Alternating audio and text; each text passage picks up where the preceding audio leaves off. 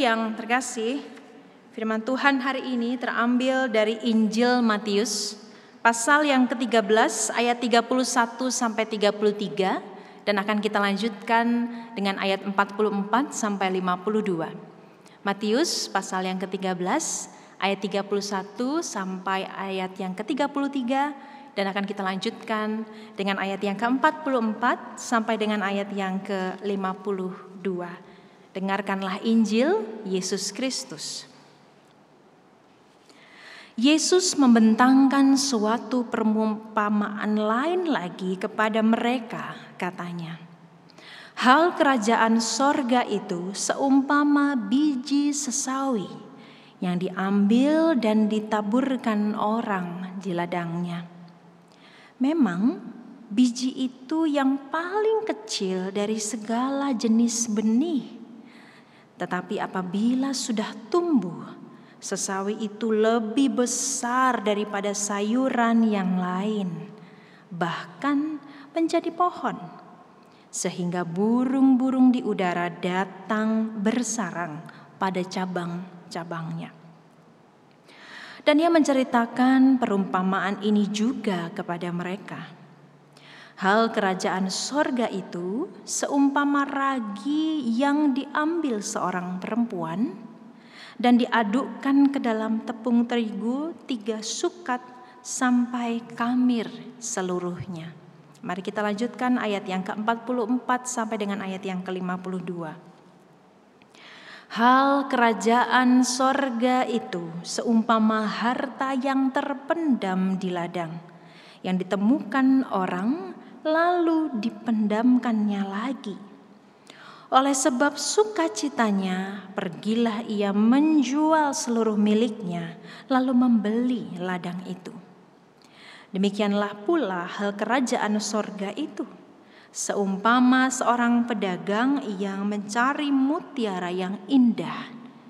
Setelah ditemukannya mutiara yang sangat berharga, ia pun pergi menjual seluruh miliknya, lalu membeli mutiara itu. Demikian pula hal kerajaan sorga itu seumpama pukat yang dilabuhkan di laut, lalu mengumpulkan berbagai-bagai jenis ikan. Setelah penuh, pukat itu pun diseret orang ke pantai, lalu duduklah mereka dan mengumpulkan ikan yang baik ke dalam pasu dan ikan yang tidak baik mereka buang.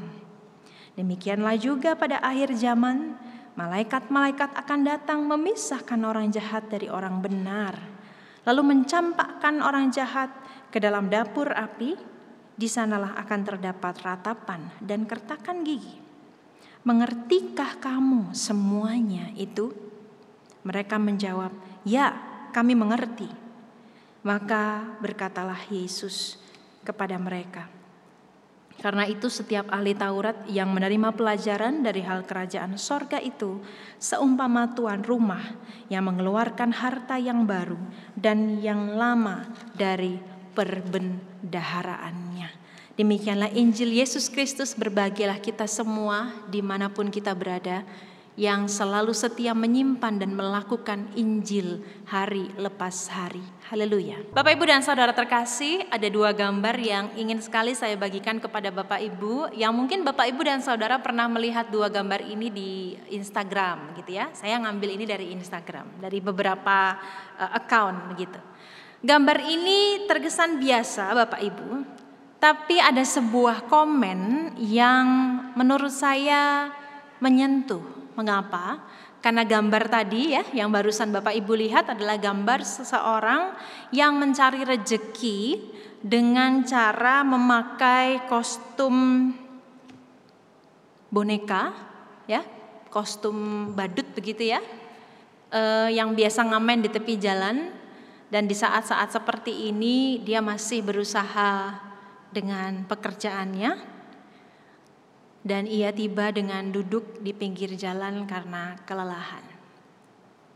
Di waktu-waktu ini gambar-gambar seperti ini marak e, tersebar begitu ya dengan sebuah atau beberapa caption yang mengatakan bahwa e, semoga rezekimu dilancarkan gitu ya. Ada doa, ada harapan dan juga ada ajakan biasanya untuk memberi apa yang kita bisa sebagai tanda bahwa kita semua dalam keadaan seperti ini memang berada di perahu yang berbeda tapi di gelombang yang sama. Di dalam gelombang pandemi yang memukul semua segi, bukan hanya ekonomi, bukan hanya kesehatan, tapi saya juga yakin cara kita berkeluarga, sudut pandang kita, cara hidup kita, kesehatan mental kita, semua terkena imbasnya. Dan meskipun dalam perahu yang berbeda, yuk saling bantu, intinya begitu. Dan ada satu gambar lagi yang diambil oleh seseorang yang ada di account um, apa uh, uh, saya lupa akunnya apa. Tapi ini ada di Solo Bapak Ibu. Ini di daerah Baron. Ada seorang bapak yang sampai hari ini masih menjual bola-bola plastik begitu yang biasa dia jual untuk anak-anak tapi sayangnya di keadaan seperti ini anak-anak nggak boleh keluar sekolah-sekolah masih ditutup sekolah minggu sekolah minggu juga masih ditutup sehingga sebenarnya dia mau jualan sama siapa gitu ya. Ya paling dia ketemu orang tua orang tua yang ya pingin beliin itu anak sama anaknya atau setidaknya orang-orang yang tergerak hatinya ya oke lah saya nggak butuh tapi mungkin saya bisa membantu dengan membelinya. Nah Bapak Ibu ketika melihat gambar-gambar ini saya secara pribadi melihat bahwa setiap orang setiap di setiap harinya punya medan perjuangannya masing-masing punya battle-nya masing-masing, punya pertarungannya masing-masing di semua segi, di semua sisi kehidupannya. Dan dengan melihat kenyataan-kenyataan yang ada di dalam diri kita sendiri, bagaimana kita berproses selama kurang lebih empat bulan ini, Bapak Ibu kalau Bapak Ibu terbiasa untuk melakukan cross check batin gitu ya, evaluasi, introspeksi diri, atau sekarang mungkin lebih banyak melakukan hal itu karena lebih banyak di rumah begitu ya.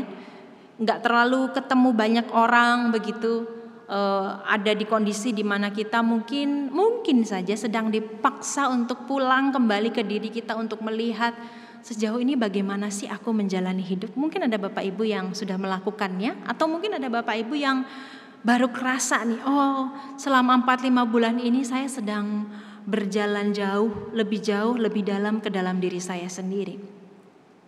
Ada begitu banyak kenyataan-kenyataan yang ketika kita melihatnya dengan sekilas mata, perjalanan hidup seluruh manusia dalam empat bulan ini, setidaknya empat sampai lima bulan ini, itu sungguh melelahkan. Saya bisa mengatakan bahwa kejadian-kejadian itu dapat dikatakan depresif begitu ya, menghabiskan energi kita, menguji kesabaran kita, menguji ketahanan kita, bahkan juga mungkin menguji iman kita. Melihat kanan kiri begitu banyak kesulitan, berita setiap hari terus-menerus dibombardir dengan apa angka pasien corona yang positif, belum lagi dengan kejadian-kejadian yang lain. Mungkin setiap hari di HP kita ini tang ting tung tang ting tung ya di grup itu ngobrol soal corona, update terus. Saya kadang-kadang kalau udah lelah begitu ya, bukan lelah karena apa yang orang lain lakukan, tapi lelah mental begitu. Saya mematikan beberapa grup untuk mendetoksifikasi dulu nih ketakutan dari kekhawatiran. Saya mesti membersihkan dulu. Kalau enggak nanti saya bisa jadi lebih rapuh. Dan semua semua orang memang sedang dalam keadaan mental yang rapuh mau tidak mau tidak mau mengakuinya. Nah, Bapak Ibu, semua keadaan ini kadang membuat kita merasa putus asa dan tak lagi menemukan harapan. Ada beberapa kasus bunuh diri yang semakin tinggi dan ada beberapa kasus yang sedang diteliti oleh polisi yang mengarah kepada betapa orang-orang muda dengan pekerjaan yang masih mumpuni meskipun dalam keadaan yang sangat terbatas itu ditengarai juga mempunyai keinginan bunuh diri yang semakin tinggi. Karena hidup manusia mau tidak mau jadi semakin terisolasi. Kita diminta untuk tidak keluar dari rumah kalau nggak penting-penting banget. biasanya dalam satu tahun atau dalam enam bulan ini kita bisa mengadakan eh, acara-acara keluarga gitu ya pernikahan tempat di mana keluarga besar dari jauh akan berkumpul seneng merasa didukung merasa disayang tapi sekarang nggak bisa ada kejadian dan banyak perasaan sepi yang semakin um, mem, mem, mem, apa ya meng, menghancurkan perlahan Orang jadi merasa kecil, nggak bisa apa-apa. Dan tak ada yang bisa menyelamatkan orang dari keadaan yang penuh dengan keputusasaan seperti ini. Seberapa banyaknya uang Anda pada akhirnya tidak berdampak apa-apa pada bagaimana Anda bisa menjalani hidup Anda. Tapi hari ini Bapak Ibu ada sebuah kabar yang gembira. Ada sebuah kabar yang membuat hati kita tumbuh gitu ya, tumbuh bunga-bunga kecil di tengah retakan-retakan tanah yang mungkin sedang kering karena begitu banyak ketakutan. Dan berita ini adalah berita sukacita yang luar biasa. Berita itu kalau bisa saya kasih teaser sedikit nih sebelum khotbah ini selesai. Berita itu adalah mau mengatakan kepada setiap kita yang merasa kecil, yang gak bisa apa-apa, yang lemah, yang letih, yang mungkin sedang takut melihat masa depan, jangan khawatir, kita sebenarnya sedang ada di dalam kerajaan Allah. Loh, kok bisa Bu Kesha? Kok bisa ada berada dalam kerajaan Allah justru di tengah-tengah kondisi saya merasa kecil, nggak bisa apa-apa dan terbatas? Iya. Mari saya mau sharing dulu kepada Bapak Ibu tentang apa sih artinya kerajaan Allah itu? Apakah ketika kita berbicara tentang kerajaan sorga atau kerajaan Allah itu kita berbicara tentang sesuatu yang baru akan datang? Baru nanti kita nikmati ketika kita mati dan hidup bersama dengan Allah. Bahwa itu adalah salah satu pengertiannya, iya. Tapi itu bukan satu-satunya pengertiannya. Karena kerajaan Allah itu tidak pernah bisa dibatasi oleh waktu, tempat, ruang, masa, tetapi kerajaan Allah adalah sebuah situasi di mana Allah lah yang menjadi raja. Kalau dalam bahasa Inggris, kerajaan Allah itu bukan hanya berarti kingdom yang punya arti secara teritorial, tempat yang jelas bisa terlihat, tapi kingship sebuah suasana di mana Allah meraja dan itu adalah di mana di mana pun kita berada dan kapan pun itu.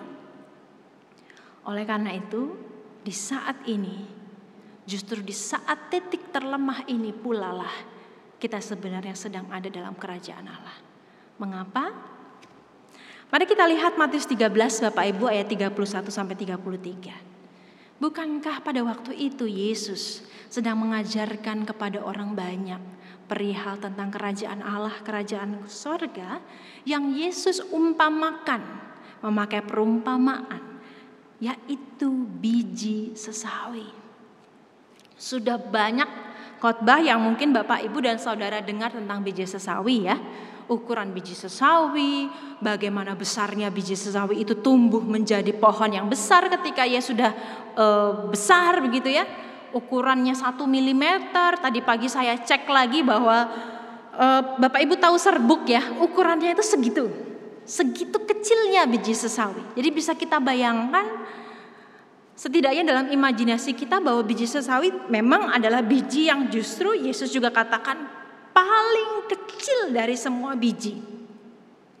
Tetapi kita tahu bahwa sebenarnya Yesus mau mengatakan yang jauh lebih dalam dengan memakai perumpamaan dari sesuatu yang kecil. Bagaimana bisa logika kita Bapak Ibu berhari-hari ketika saya menyiapkan khotbah ini ada sebuah pertanyaan yang muncul dari sebuah kekaguman yang luar biasa. Kenapa? Karena kok bisa ya kerajaan Allah yang mulia, yang luar biasa, yang tak terdefinisikan dan tak tergambarkan oleh kata-kata itu bisa Tuhan umpamakan dengan sesuatu yang sangat amat kecil. Sesuatu yang paradoks, sesuatu yang bertolak belakang. Apa maksud Yesus? Bapak Ibu dalam keadaan kita yang seperti ini, kita layaknya seperti biji-biji sesawi bukan? Merasa kita ini kecil dan lemah. Merasa kita tidak berdaya. Semakin hari semakin mengakui bahwa untuk hidup esok hari, bahkan mungkin esok hari terlalu jauh. Untuk sampai di malam hari, kita nggak pernah tahu. Salah satu kekhawatiran terbesar dari orang-orang zaman sekarang adalah apa? ketika keluar dari rumah, jangan-jangan saya kena orang-orang yang membawa virus tanpa gejala. Atau jangan-jangan saya akan pulang membawa virus itu tanpa pernah saya sadari bahwa saya mengidap virus itu. Dan banyak sekali ketakutan. Manusia dilemahkan semua kekuatan yang luar biasa yang dulu bisa menjadi kekuatan dan alasan kita untuk mampu bertahan hidup sekarang runtuh luluh. Bahkan negara-negara adidaya di dunia ini mengakui bahwa mereka pun tak bisa dengan segera melepaskan ancaman bahaya corona di negara mereka sendiri. Keadaan kita kecil dan lemah. Tetapi biji sesawi itu bisa bertumbuh. Bapak Ibu, proses pertumbuhan bukanlah proses yang mudah. Karena untuk bertumbuh, kita mesti kalau anak-anak ya, anak-anak dari bayi, dia harus belajar untuk tengkurap. Bagi kita yang melihat mudah, tapi bagi dia, bagi si bayi itu rasanya dari telentang untuk bisa tengkurap itu luar biasa sulit. Harus ada beberapa step tantangan kehidupan kita yang membuat kita akan dapat bertumbuh. Dan mari kita tanya dalam diri kita, melalui kesulitan-kesulitan dan ketakutan itu, apakah sebenarnya Tuhan sedang membuat iman kita bertumbuh? Membuat kita hari demi hari semakin menjadi orang yang bertumbuh tiap kali, tiap kali, tiap kali. Mungkin nggak kelihatan karena pertumbuhan kita bukan pertumbuhan badan, ya mungkin agak melar sedikit nih kayak saya nih Bapak Ibu ya di rumah. Jadinya masak terus makan terus mungkin agak kelihatan cabi. Tapi pertumbuhan batin kita mungkin nggak bisa dilihat sama orang lain. Tapi sejatinya kita sedang ditolong oleh Allah untuk selalu bertumbuh. Maka biji sesawi itu mau mengatakan sebuah proses pertumbuhan. Dan apakah Anda sedang menjalani proses pertumbuhan itu? Pertumbuhan iman, pertumbuhan batin, pertumbuhan mental. Dan semua keadaan ini sedang mau tidak mau memaksa Anda untuk bertumbuh. Dan kalau kita bertumbuh, itulah ciri-ciri dari sebuah kondisi di mana Allah ada. Allah menjadi raja. Bertumbuh setiap hari. Dari yang awalnya suka mengeluh, tema kita kan nggak usah mengeluh deh, gitu ya. Dari yang awalnya suka mengeluh, jadi orang yang oke okay, belajar nggak mengeluh. Lihat satu hari ini apa kebaikan Allah. Satu hari ini apa yang menjadi rahmat Allah bagiku. Sehingga mengeluh itu tidak lagi menjadi sebuah kebiasaan. Mengkritik, mencari siapa yang salah gitu. Tetapi mensyukuri, ada pertumbuhan, ada perubahan bukan? Dan ketika Anda sedang bertumbuh, percayalah, kita sedang berada di mana Allah sedang meraja. Dan ketika Allah sedang meraja, apalagi yang kurang? Yang kedua Bapak Ibu, ketika kita berbicara soal biji sesawi dan juga ragi tadi ya, sebenarnya hampir-hampir sama. Ragi yang sedikit itu bisa memberi dampak. Sesuatu yang sedikit itu bisa berproses dan menumbuhkan sesuatu menjadi lebih besar dan yang kedua kita berbicara soal dua perumpamaan yang menarik, yaitu seseorang yang menemukan harta yang terpendam di dalam sebuah tanah dan seorang pedagang yang menemukan satu mutiara yang sangat indah, jauh lebih indah dari semua mutiara yang dia punya. Maka yang kedua firman Tuhan mau mengatakan bahwa kita berada di dalam kerajaan Allah. Kalau kita merasakan bahwa Tuhan sedang menolong kita, sedang memutar balikkan cara kita beriman dan cara kita berpikir untuk tahu apa itu arti seni melepaskan. Apa itu arti seni melepaskan? Bu Kisha terlalu puitis. Mari saya jelaskan. Seni melepaskan itu adalah sebuah kesadaran bahwa kita pada hari ini di dalam semua kondisi yang sedang menempa kita sedemikian rupa pada akhirnya tahu apa yang paling penting dalam hidup ini. Pada zaman dulu Bapak Ibu orang Yahudi itu memang punya kebiasaan untuk membenamkan atau menyembunyikan atau menyimpan hartanya memang di dalam tanah. Jadi ketika ada seseorang yang menggali tanah lalu menemukan harta yang terpendam, dia jual semua harta sebelumnya untuk membeli sebidang lahan ini, sebidang tanah ini yang dia sudah temukan bahwa inilah harta yang paling penting yang memang sedang kucari selama ini. Begitu pula seorang pedagang yang pada dia menemukan satu mutiara yang sangat indah dan semua mutiara yang lain dia jual, dia lepas karena dia tahu inilah yang ku cari, inilah yang ku inginkan selama hidupku. Ini berarti bahwa ketika kerajaan Allah itu ada dan kita rasakan. Ketika Allah sedang meraja, Allah sebenarnya sedang kembali membuat kita melihat. Hai Keisha, apa sih yang paling penting dalam hidupmu? Apa sih yang sedang kamu cari dalam hidupmu selama ini? Dan bukankah pertanyaan-pertanyaan itu yang mungkin saja selama ini sedang menggelayuti pikiran kita? Ketika seluruh kekuatan kita, seluruh daya kita terbatas, seluruh harta kita tak bisa menjamin apa pun.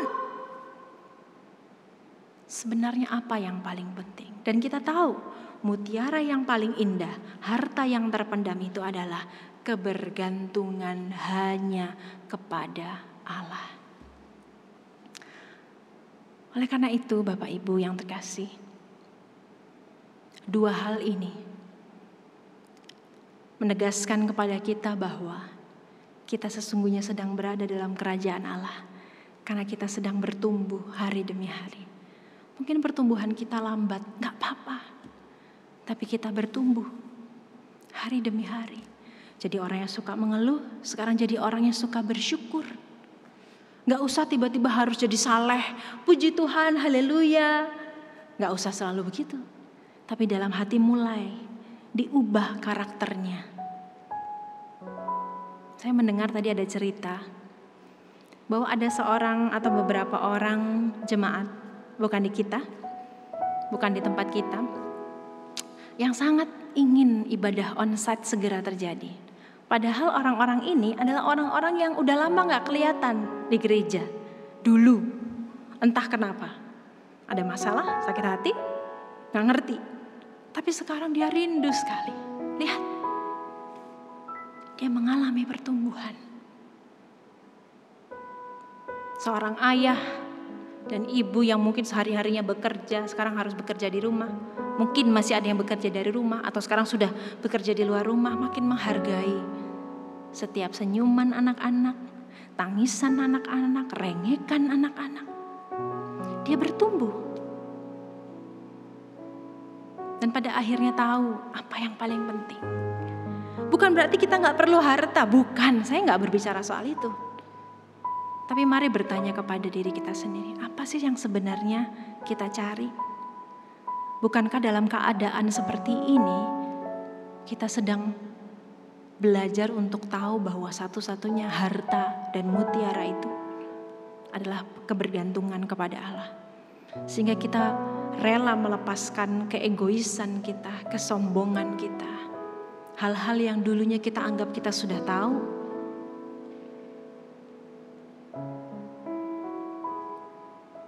Apa yang sedang menjadi perjalanan hidup Bapak, Ibu, dan Saudara? Ketika hari ini Berita Injil mengabarkan kegembiraan dan sukacita bahwa justru ketika kita lemah, ketika kita sedang belajar lagi mulai dari nol, kita sedang berada di tengah-tengah sebuah situasi di mana Allah yang meraja. Fokus hidup kita Dan satu-satunya andalan dalam hidup kita adalah Allah.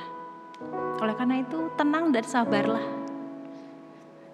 Tidak mudah saya mengatakan ini, tapi tenang, tenang dan sabarlah. Kita nyanyikan lagi yuk pujian yang tadi kita nyanyikan hanya di bait dua. Dan setelah itu saya akan menutupnya dalam doa. Tenang dan sabarlah